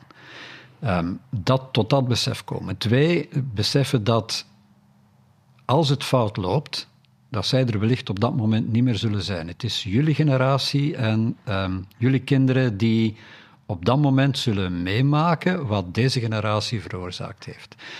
En dus ik probeer hen ervan overtuigen, besef dat, geef sneller de sleutels door aan de volgende generatie en ga in de dienende rol op dat ogenblik. En dat is een andere interpretatie van dienend leiderschap. Ga in de dienende rol, help die mensen goed te doen met de sleutel met die sleutels. En wat ik dan tegelijkertijd probeer te doen, is die volgende generatie eh, voor een gedeelte te vertellen waar, wa- wa- hoe was die oude wereld. Want je gaat met de bouwstenen van de oude wereld toch wat dingen moeten doen. Je kan die niet negeren, je kan niet van een wit blad papier vertrekken. Je moet wel ergens vanaf vertrekken. En dat is de oude wereld, die ken ik. Ehm, eh, maar ik ken ook de dynamieken van de nieuwe wereld. En als je die twee op een goede manier weet te combineren, dan kun je er geweldige dingen mee doen. Maar dan ga je echt sneller, en dat is een grote uitdaging voor heel veel bedrijven, de, sleutels veel sneller doorgeven dan op dit ogenblik traditioneel gebeurt. Je moet al heel lang in een bedrijf werken vooraleer je überhaupt kans krijgt om de sleutels van het bedrijf in handen te krijgen. Dat is fout. Dat is ook wel spannend natuurlijk, hè, voor, eh, voor beide partijen. Ah, Ja, Ja, ja. het is niet omdat het spannend is dat het Nee, niet, eh, eens, ja. eens, eens. Maar ik denk dat het ook oké is om uit te spreken dat dat spannend is. Dat is spannend. Ja. En is die volgende generatie daar klaar voor? Nee, maar was die generatie die op dit ogenblik de sleutels in handen heeft daar klaar voor? Ook niet. Ook niet. Ja. Nee, klopt. Je bent er Nee. nooit klaar voor. Je weet het pas dat je er klaar voor bent op het moment dat je er middenin zit. Dat is een feit. Ik, ik ben heel slecht met een start-up, Mhm. omdat je dan geen bouwstenen hebt. Ik werk Ja. graag met bouwstenen. Eh, ik heb als kind ook gepassioneerd altijd met Lego gespeeld. Nooit de, de bouwinstructies gevolgd, altijd mijn eigen dingen Mhm. eh, ge- gemaakt.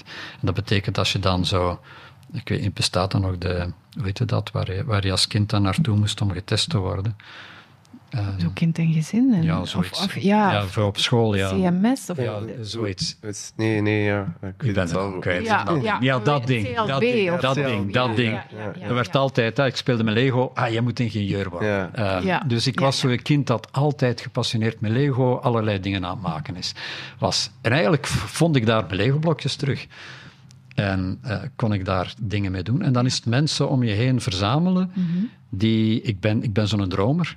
Ehm, die altijd wilde ideeën heeft en die A in staat zijn om jouw wilde ideeën, en bij mij gaan die alle richtingen tegelijkertijd uit, om die om te zetten in een tijdlijn, om die om te zetten in acties, om het van mij te kunnen hebben dat ik droom, en dat constant groot droom, ehm, die dat kunnen hebben, die, dat, ehm, die daar niet gek van worden en die dat kunnen omzetten in iets wat ik niet kan, in een tijdlijn en in, in een actieplan. En ik kan dat dan wel hebben, dat iemand dat doet.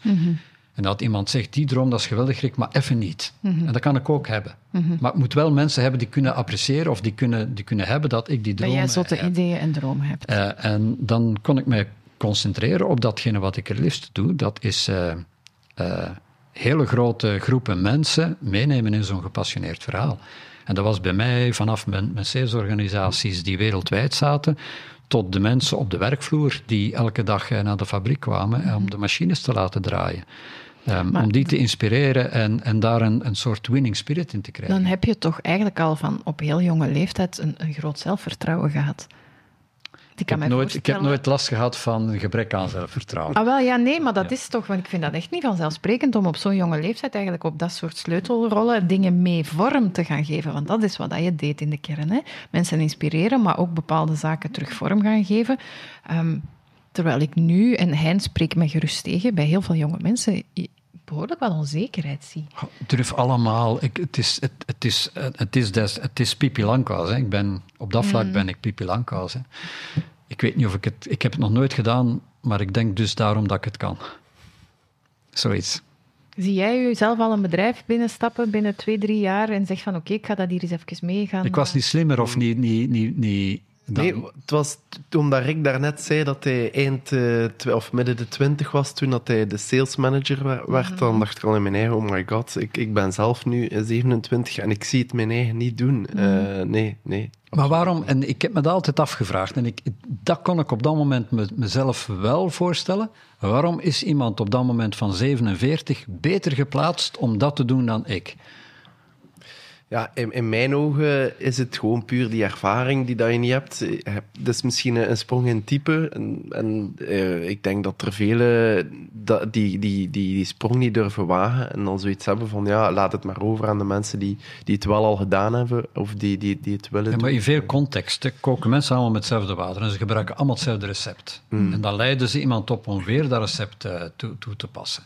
En dan zijn ze verwonderd. Als je hetzelfde recept toepast, dan komen dezelfde resultaten uit. Mhm. En als een bedrijf al zeven jaar achteruit aan het gaan is, het bedrijf wat ik toen van Jan de Klerk eh, aan, aan ging leiden, dat is op zeven jaar tijd zes keer failliet gegaan. Dus dan zit het faillissement zit daar in de muren. Nou, als je dan hetzelfde gaat doen, wat er altijd gedaan is, dan komt er, vo- volgt er Een volgende faillissement, Ja. per definitie. Dat is geweldig, want dat betekent dat je alles anders moet doen. En dat, dat, dat is net...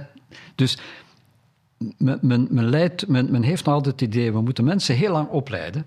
En dan leid je ze op in de receptuur. Als die receptuur een goede receptuur is, oké, dan is het een goede receptuur. Maar de meeste bedrijven weten dat de receptuur, zeker nu, de receptuur die ze gevolgd hebben aan het aflopen is.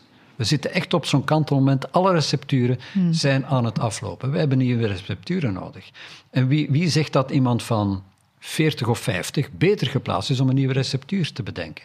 Of iemand van 20 minder goed is? Ik denk dat het te maken heeft met welk, hoe zit je in elkaar? En ben je iemand die, dat, dat, dat klinkt verkeerd, hè, maar die creatief kan zijn, die met bouwstenen iets anders kan doen. En dat heeft niks met leeftijd te maken. Ja, de sleutels die op tijd moeten worden doorgegeven. Ja, ja, ja, ja, Heel belangrijk. Dat is ook eentje waar ik eigenlijk daarvoor al heel sterk mee bezig was. Ik heb daar ooit ook eens een LinkedIn-post over gemaakt. Ehm, dat ging toen over de Rode Duivels. Dat Mhm. iedereen zei, oh, dat zijn oude mannen, wat doen we daar nog mee? Ik heb altijd heel sterk geloofd dat je de oudere generatie, tussen aanhalingstekens, en de jong- jongere generatie moet combineren, dat je die moet samen laten vloeien. Die nieuwe generatie heeft nieuwe technieken, nieuwe tools, nieuwe manieren, en een frisse blik.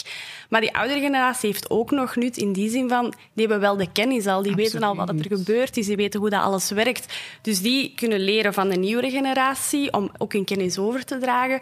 De nieuwe generatie kan de oudere generatie meehelpen om verder te gaan. En volgens mij staat je dan veel sterker dan dat je iedere keer opnieuw moet beginnen Maar met een nieuwe hè. generatie. Ja, ik, denk, ik weet niet of het in de aflevering zelf was, maar hij heeft dat ook ergens eens verwoord. Van, ja, je hebt de oude wereld verandert niet instant in een nieuwe wereld. Nee. Je hebt ook mensen vanuit de oude wereld nodig die kunnen begeleiden naar die Ja. nieuwe wereld. Ik denk dat je ook in de podcast had gezegd ehm, dat je de bouwstenen van de oude wereld moet gebruiken Dat met de het. nieuwe dynamiek van de nieuwe wereld. dat vond ik verwoord. heel mooi Ja, verwoord en vat gewoon heel de essentie samen. Klopt. Ja, ja, ja goede keuze. Ja, Ik, vond, eh, ja, ik vond het een heel sterk fragmentje dat ik dacht van ja, ook Ja, ja, iemand die daaraan denkt. En niet alleen van mijn generatie, maar ook van Ja, ja. de oudere generatie, dat die daar hetzelfde over denkt.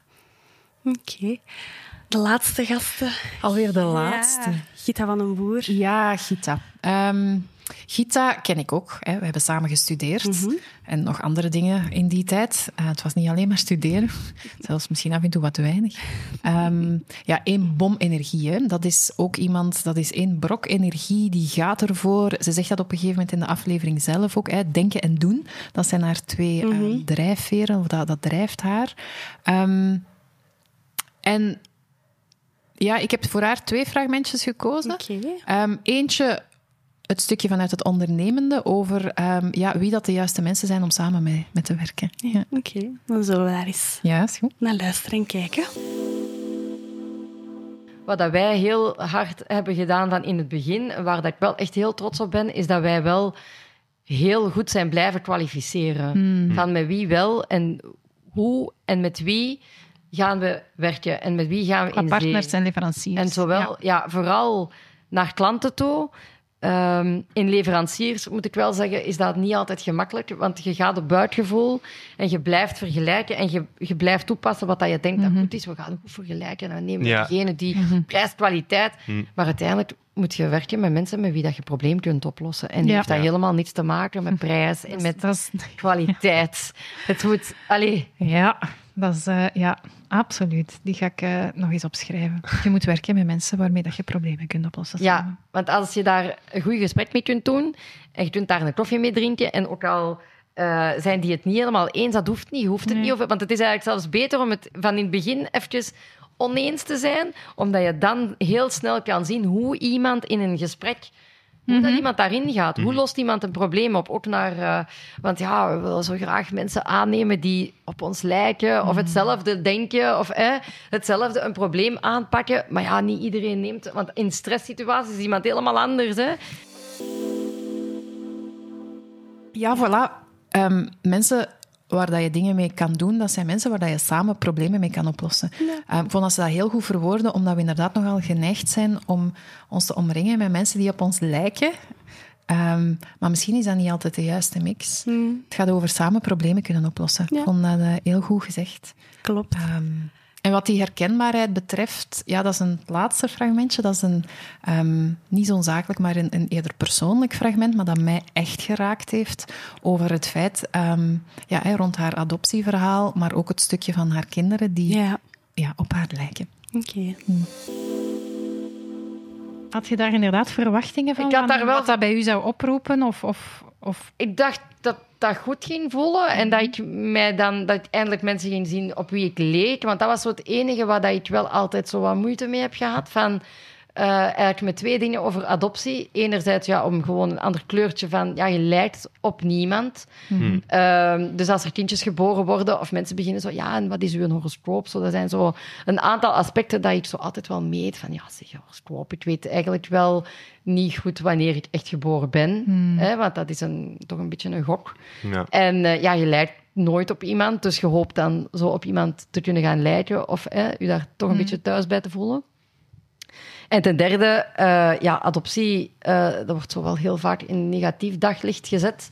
Eh, dus dat waren zo dingen die ik zo een beetje voor mij uitschoof. Ja. En met daar dan aan te komen in Calcutta, leek ik helemaal niet op die mensen in Calcutta. Dus dat was wel een beetje confronterend om te zien. Plus je, blijft wel, je be- bent wel echt een toerist. Hè. Je komt daar aan in je westerse kleren. Mhm. Ook de Indiërs die in westerse kleren aankomen, gedragen zich dan wellicht toch wel compleet anders. Dus ik had mij daar niet goed op voorbereid. Dus ik moet eerlijk zeggen, ik heb dan naar huis gebeld en gedacht... Wat heb ik nu gedaan? En dan heeft onze papa heel duidelijk gezegd... Ja, je bent er nu. Maak er het beste van. Zie maar, hè. Komt goed. En dan ben ik een blog beginnen be- schrijven. En daar heb ik wel echt mijn Die herinner ik mij nog. gevoelens in proberen van mij afschrijven. Van hoe komt dat hier nu, dat ik hier mij niet thuis voel? Wat is dit voor een land? Heeft dat een land mij hier gemaakt? Hm. Eh, nu moet ik inderdaad wel, hè, wat dat iedereen altijd zegt, van ja, je moet toch wel heel dankbaar zijn dat de mensen dat voor u gedaan hebben. Ja, daar kun je als kind niets mee. Hè. Je kunt daar echt niet mee weg. Ja, dan besef je wel waar dat je bent aan ontsnapt of zo. Hmm. Maar dat is een heel ondankbaar gevoel, want je kan... Ja, je, kunt daar niets mee. Dus je zit daar, je kunt niets. Het enige is, eh, je kunt daar een beetje ronddolen. En dan uiteindelijk toch eh, mij aangemeld op dat vrijwilligerswerk. En dan terechtgekomen terug mensen in een commune. Eh, een beetje zo, de, de, daar komen mensen vanuit heel de wereld vrijwilligerswerk doen. samen water naar de zee dragen, want je kunt niets veranderen. Wij als oplossers, Hmm. pragmatisch, Ja. eh, gaan niet. Eh, maar ik moet wel zeggen, die vrijwilligers hebben mij wel... eh, ja, zo die momentjes met die vrijwilligers. Morgens kregen we dan zo samen een ontbijtje na de mis. En ehm dan kregen we een droog stukje boot en een chayje. En eh, dan heb je zo echt je momentje van... Ja, samen zingen ze een liedje. En dan verwelkomen ze de nieuwe vrijwilligers. En dan vertrekt iedereen naar zijn project. En dan besef je wel wat dat je aan het doen bent. En dat je wel echt... Want die kindjes die gaan allemaal naar een betere toekomst. Maar de mensen in de tehuizen die ofwel ziek zijn... of eh, de huizen waar dat wij hebben geholpen, vooral in eh, tehuizen waar vrouwen werden geherbergd... die eh, getraumatiseerd, vaak achtergelaten werden aan bomen gebonden, zoals wij hier proberen hondjes te redden die met vakanties aan. Dus dan zie je wel, allee, ja, dat komt wel binnen of zo. Ja. En dat, dat is heel moeilijk, want ik kan dat nog altijd. Het wordt steeds slechter om in dat te beschrijven of zo. Omdat ik denk dat dat steeds moeilijker ehm, wordt, omdat we ouder worden en omdat we echt wel stiller staan bij, wat we zijn, bij wie we zijn en wat we doen. En Ik denk dat je meer de omvang ervaart en voelt van allee, de betekenis van dat, dat soort schrijnende situaties. Ja. Ja, en dat is wel allemaal, om dat stukje af te ronden, dat is wel allemaal veranderd met zelf zwanger te worden. Eh, na een grote lijdensweg trouwens. Maar eh, door dan mijn dochter is geboren en die is geboren en die, ik ga het nog emotioneel worden, die is geboren en die had mijn ogen, maar echt vanaf het eerste moment dat die uit mijn buik kwam, had die, die leek op mij. En er had nooit iemand op mij Hmm. geleken. En ik moet eerlijk zeggen, ik word er echt wel emotioneel van. Maar dat heeft zoveel gedaan voor mij. En nu maakt mij dat ook niet meer zoveel uit. Want ik geloof wel heel hard in het feit dat je, je, je, je- dat je bent wie dat je bent door je Hmm. omgeving. En dat je echt gevormd wordt door je ervaringen, door, je, door wie dat er rondom u is en hoe dat je daar ook Ja, zelf is- mee omgaat. Dat, dat, is, u- dat is het rationele stuk Maar dat, dat nu bloed- spreekt. Hè. Ja, maar dat was wel Puur emotioneel zo- het gevoel van iemand die lijkt Ja, op mij. dat is ongelooflijk. En nu heb ik echt twee halve minimies rondlopen. Eentje, ze hebben alle twee super, want ik heb een tweelingetje van zes. Ze hebben alle twee mijn ogen, maar vooral zo dat karakter en dat willen en die drive. En het is heel moeilijk. Ik moet eerlijk zeggen, soms denk ik, oh my god, hoe confronterend dat dat is. Maar het is ook wel heel, het het beste in de wereld van, ook gewoon om effectief iets te hebben van roots. Hè? Of dat je ja, nu, ja. want mijn ouders zijn altijd mijn ouders en ik ben echt waar hetgene dat, hun, dat zij hebben voorgebracht. Meer dan dat India ooit heeft kunnen doen. Maar eh, ja, dat is wel, dat is toch wel, ik denk dat we dat toch ergens wel naar bespreekbaar maken van eh, dat daar naar, naar, naar adoptie en zo, dat daar wel echt nog samen met het lijdensweg hebben van proberen zwanger worden en al dat, eh, dat, daar toch, dat we daar nog wel wat werk aan de winkel hebben. eh, even onderweg gezegd. hè. Ja. Ja. Mooie verhalen. Ja, voilà. En, en ik ben er ook mee begonnen. Hè. Het stukje herkenbaarheid is ehm, zo belangrijk. Dat raakt mensen. Ik denk dat we dat allemaal ook wel nodig Ja. hebben. Ehm, ook het verhaal van haar adoptie. ehm, en dat dat haar heeft gemaakt tot wie dat ze is. Ja, en, en ook het verhaal van de kinderwens, wat dat voor mij ook persoonlijk iets is Ja. dat mij erg raakt. Ja, het hoeft niet altijd zakelijk te zijn. Ook gewoon die, die, die menselijke stukjes van ons, dat, ja, dat raakt. Heel mooi. Hm, vond ik ook. Oké. Als je nu zo kijkt naar seizoen 1, als je dat nu samen kan vatten, in... Goh. Echt samen te vatten valt het niet. Er zijn wel rode draden, inderdaad. Ehm, en iets wat ik vaak gehoord heb bij die laatste vraag dan van hey, waar zou je zelf eh, als 20-jarige advies in geven, is van ja, hè, ook dat buikgevoel weer een stukje. Vertrouw maar op wat dat je zelf wil. Vertrouw op jezelf. Ehm, ja, ga er gewoon voor. Durf te springen, hè, wat een Valerie dan zegt. Of durf... durf ja, bij een Chloe die, die keuzes maakt die misschien niet zo voor de hand Ja. liggen. Ehm, en voor de rest vond ik het gewoon allemaal stuk voor stuk mensen die eh, veel verwezenlijkt hebben, maar daarin ook heel hard zichzelf gebleven zijn. En, en niet van in het begin, hè. een Jeroen bijvoorbeeld helemaal niet van in het begin, maar die zichzelf daar, die hoe langer hoe meer zichzelf Ja, worden. Dat, ik denk dat dat voor mij wat de rode draad is. Ja. Oké. Ik denk dat dat voor de meeste mensen wel heel fijn is om ook die verhalen te horen en zichzelf daarin het. te herkennen. Ik hoop het. Ik hoop het. En ja, ik hoop dat dat in seizoen 2 hetzelfde geval Ik gaat hoop zijn. het ook, want ja, er komt een tweede seizoen. Ja, ja. Eh, ik kijk er alweer ontzettend naar uit. ik ook, en ik voilà, hopelijk even inspirerende verhalen. Dat zal zeker en vast wel zijn. Dank je wel. Dank je wel om een keer de gast te zijn Ja. van jouw eigen podcast. Ja, ja, klopt. Was fijn. Ja, en voor u, direct hup, direct naar Ja, host. direct naar, co, eh, naar host Nee, nee, nee, zelf. nee, ja. niet co-host, direct naar host. Ja, eigenlijk een gesprek voeren. Voilà. Loopt allemaal wel los. Hè? Ja. Oké, dankjewel Karen. dank u. Dankjewel om te kijken of te luisteren naar deze aflevering. Hopelijk heb ook jij genoten van een momentje even rustig. Benieuwd naar nog meer eerlijke verhalen? Abonneer je dan zeker op een van onze podcastkanalen via Castbox, YouTube, Spotify of Apple Podcast. Tot dan!